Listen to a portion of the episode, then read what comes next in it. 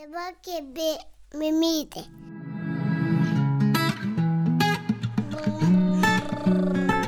Kaba mama. Sveiki, mėlyjeji, ištikimieji kalba mamos klausytojai ir tie, kurie galbūt tinklalaidę įsijungėte pirmą kartą. Su jumis sveikinuosi aš jos kurėja Marija Keršanskinė ir sveikinu visus įžengusius į rudenį.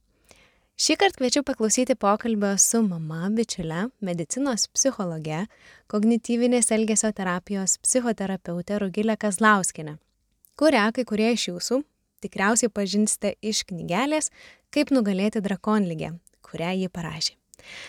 Pasinaudosiu progą ir labai nuoširdžiai ją parekomenduosiu tiems, kurie ieško tokios knygos, kuri padėtų vaikui nugalėti gydytojų, poliklinikų, ligoninės ir, žodžiu, visų baltų halatų baimę.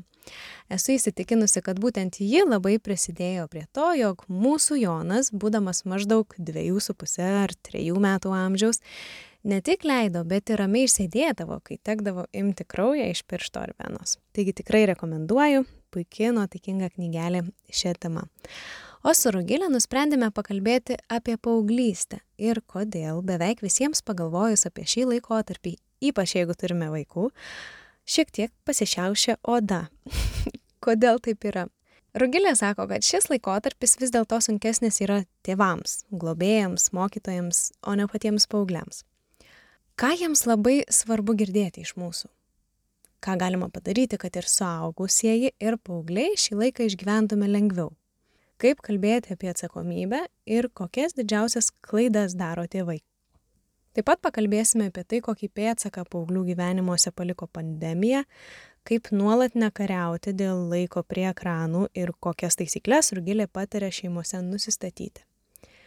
O pati Rugilė, daug dirbdama su paaugliais, kviečia tėvus dažniau pasižiūrėti į savo vaikus iš šalies, koks gražus ir didelis žmogus jis ar jį užaugo ir koks vis labiau pasiruošęs gyventi tikrai sudėtingame pasaulyje. Paaugliai anot jos yra gyvenimu degantys žmonės, labai rimtai ieškantys atsakymų į esminius gyvenimo klausimus. Ačiū, kad klausot ir dalinatės ir rekomenduojat kitoms mamoms ir šeimoms ir už tai, kad paliekat bent ir mažiausią, trumpiausią atsiliepimą, komentarą, visur juos matau ir labai laukiu ir esu tikrai labai dėkinga. O dabar kviečiu klausyti pokalbio su psichologe Rugilė Kaslauskienė apie paauglystę. Tai mes šiandien susitikom pasikalbėti apie mitais ir baisiom istorijom apipintą laikotarpį, tai paauglystę. Tau rašydama apie ką maždaug norėtųsi pakalbėti ir paliesti, užsiminiau, kad e, man atrodo, jog net ir ne tik tie, kurie žmonės turi vaikų, bet ir tie, kurie neturi vaikų, ta žodis toks paauglystė skamba beveik kaip koks keiksmažodis, baisus žodis kažkoks. Kodėl taip yra?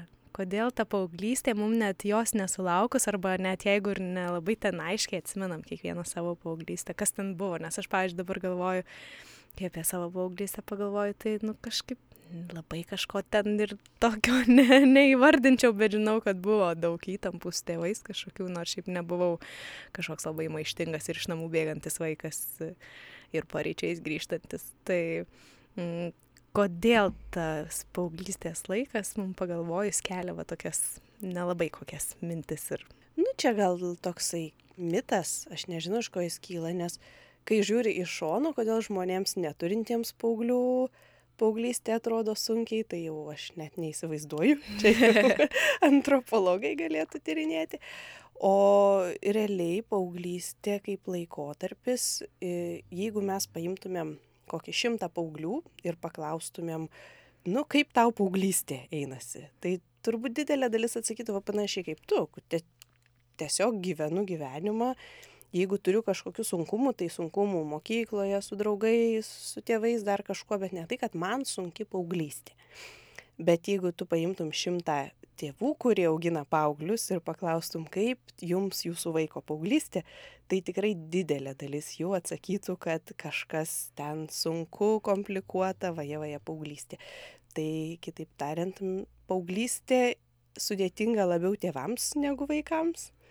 Ir ko gero iš tų tėvų skundų ir susidaro tas mitas, kad vis nugirstam vienur kitur tuos e, liūdnus besiskundžiančius tėvus.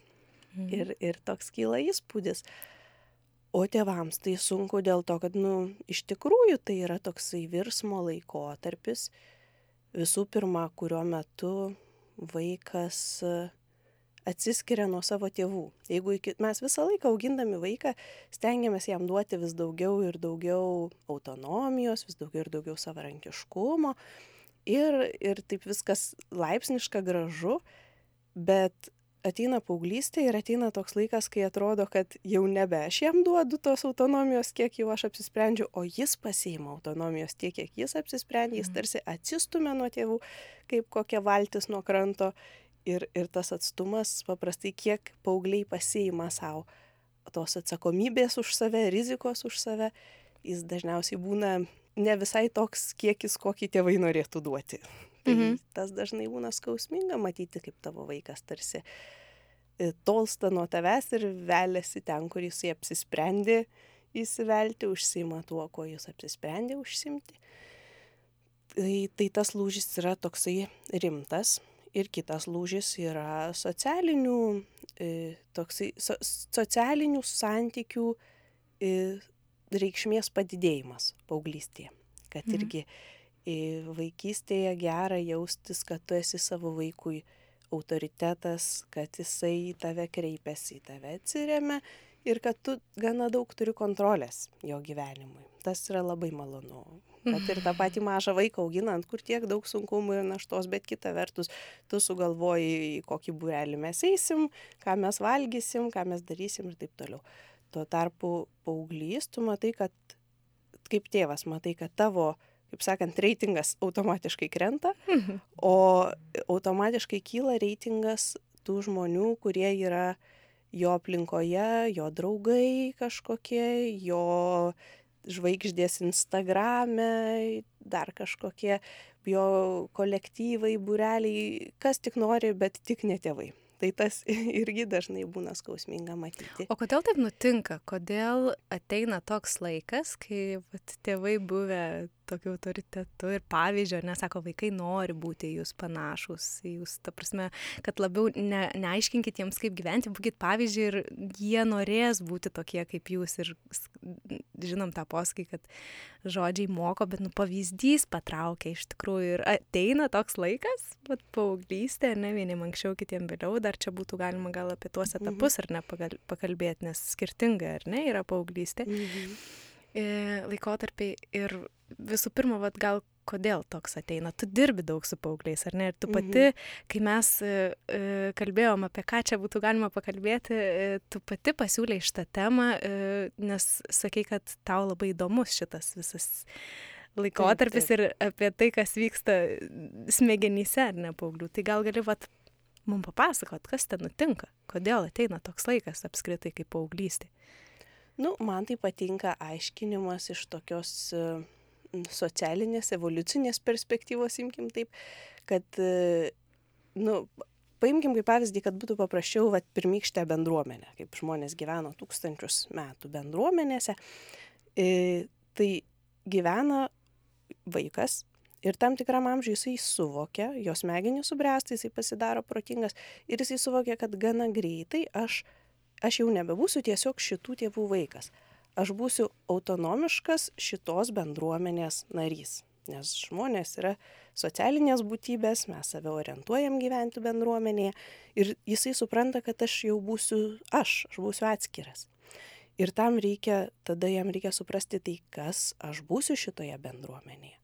Tai koks bus mano vaidmo, kas bus mano kompanija, kas bus mano hebra, kaip mes čia vieni kitus paremsim, nes man vienam bus sunku tokiam, vat, dar nepatyrusiam. Tai mes kažkaip susibursim, mes kartu kažką darysim. Ką aš, kuo aš būsiu naudinga šitoj bendruomeniai, ką aš čia veiksiu, kaip aš sukursiu romantinius kažkokius santykius.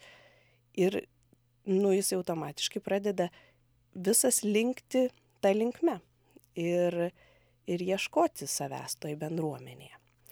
Šiais laikais dabar jau mes gyvenam visai kitaip, mes gyvenam milžiniškoje žmonių bendruomenėje. Mhm. Ir nėra tokio ankstyvo to išmetimo iš lizdo mes jau nusiteikę, kad savo vaikus ugdysim ir iki pakankamai brandaus amžiaus. Bet paauglys tai, tai vis tiek labai teisingai taip ir skaičiuoja irgi, kad jisai jau tam paaugliškame amžiuje pradeda ieškoti, kas aš esu, tik klausimai šitoj mūsų visuomeniai yra dar sunkesni. Jam reikia suprasti, kokios mano religinės pažiūros, kokios mano politinės pažiūros, kokios mano pažiūros, koks aš noriu būti žmogus, ką aš noriu dirbti, ką aš noriu studijuoti, ką, kada aš noriu studijuoti ir taip toliau. Tai tam, kad tu sukurtum savo autonomišką tokį identitetą, reikia labai labai daug jėgos ir energijos.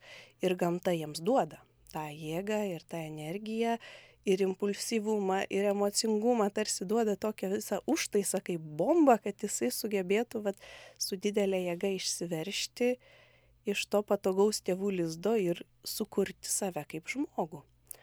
O smegenyse tai irgi labai gražus dalykai vyksta tuo metu, nes jeigu vaikas, jisai kaupia informaciją, tiesiog siurbia informaciją į save, tai kai jisai tampa paaugliu, jis, tai yra laikas, kai smegenys labai subrendę jau, nu, daug, daugelis smegenų dalių yra subrendę ir, ir jisai gali tikrai labai protingai protauti ir prasideda toksai atrankos procesas, tarsi smegenys tvarkosi ir atsirenka, ko man reikės, kokios informacijos man reikės ir tada tai, kas jau yra pasirinkta kaip reikšminga reikalinga informacija, tai labai labai vyksta tokia vadinama mielinizacija neuronų jungčių, tai reiškia, kad labai sustiprėja gebėjimai profesionalumas tose pasirinktose srityse.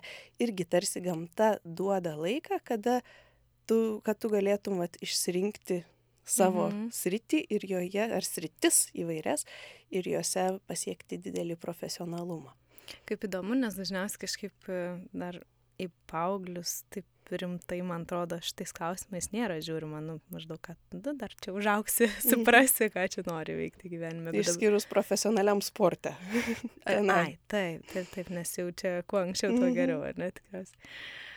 Tu dirbi su paaugliais ir su kokiom problemom pas tave dažniausiai ateina. Ir ar tai šeimos dažniau, ar, ar būna tokio atveju iš vis, kai patys paaugliai kreipiasi, ieško dabar jau šiais laikais pagalbos, ar, ar labiau šeimos?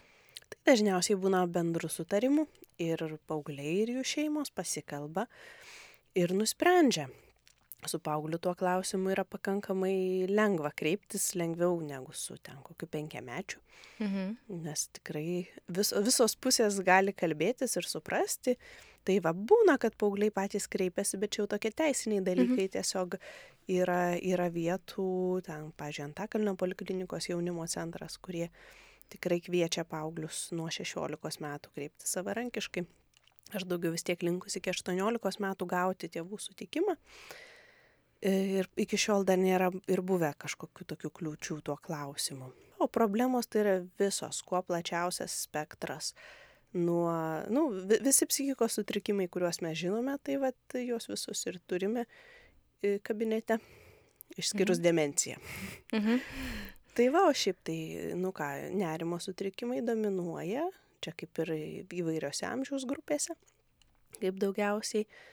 Valgymo sutrikimai yra tokia šių, šių laikų epidemija, mhm. kur, sakykime, jų yra šiuo metu tarp paauglių žymiai stipriai daugiau negu buvo ten, kokį 70 metų atgal. Depresijos būna šizofrenijos spektro pradžia toks liūdnas, retas, bet ypatingai liūdnas dalykas, kad šita lyga dažnai startuoja būtent paauglystėje. Mhm. Gerai, o pakalbėkim dabar tada apie tą santykį tarp paauglių ir tėvų. Čia yra gal tokia keletas klausimų. Toks pirmas galbūt būtų, kaip neprarasti to santykio, kai ateina tas, kai jau pradeda jausti tėvai ir ne, kad jau čia po truputį. Ir kada tas laikas galbūt, va čia galima apie tą, žinau, ankstyvasis ar ne, kažkoks yra paauglystės laikotarpis. Mhm. Tai kada galbūt gali būti jau ta paauglystės pradžia. Vis tiek yra kažkokios maždaug, ar ne, e, ribos. Mhm. Šiaip tai yra ir įvairių klasifikacijų, nes paauglystės laikotarpis yra pakankamai ilgas. Man labai patinka tokia trijų etapų klasifikacija apie tai, kad yra ankstyvoji paauglystė. E, tai yra tas laikas, e, aš taip vadinčiau, nuo kokių Nuo tada, kai vaikas pradeda lytiškai bręsti, tai šiais laikais 9-10 metų, 11, mhm. nu, Mhm. kaip, kaip kam. Iki kokių, va taip, 13. Nu, čia tie, tos ribos yra tokios išplaukę. Mhm. Bet esmė, kad tas laikas būna toksai, kai vaikas labai stipriai fiziškai keičiasi. Ten berniukai išstypsta per vieną vasarą, balsai pradeda lužinėti, mutuoti, mergaitėms prasideda menstruacijos, krūtinė aukti ir taip toliau. Tai būna va toksai laikas, kai jie kaip ir dar yra tie patys vaikai, daro tas tokias, nu kaip tas pačias veiklas ten važinėjasi dviračiais, susitinka su draugėm, paplepa ir panašiai. Bet jie tokie, jie jau patys junta, kad jie keičiasi, jie nepatogiai jaučiasi savo pačių kūne ir pamažu tokie pradeda nepatogiai jaustis visam šitam pasauliu. Toksai Mhm. amžius tikrai matom tokių vaikučių, kokio Čia girdėjai pokalbio ištrauką, jei norėtum jį perklausyti visą ir taip pat išgirsti kitų daugybę įvairių pokalbių apie motinystę su mamomis ir su įvairių sričių specialistais, kviečiam tave jungtis prie Kalba mamos narystės. Visą informaciją rasi www.kalbamamos.lt.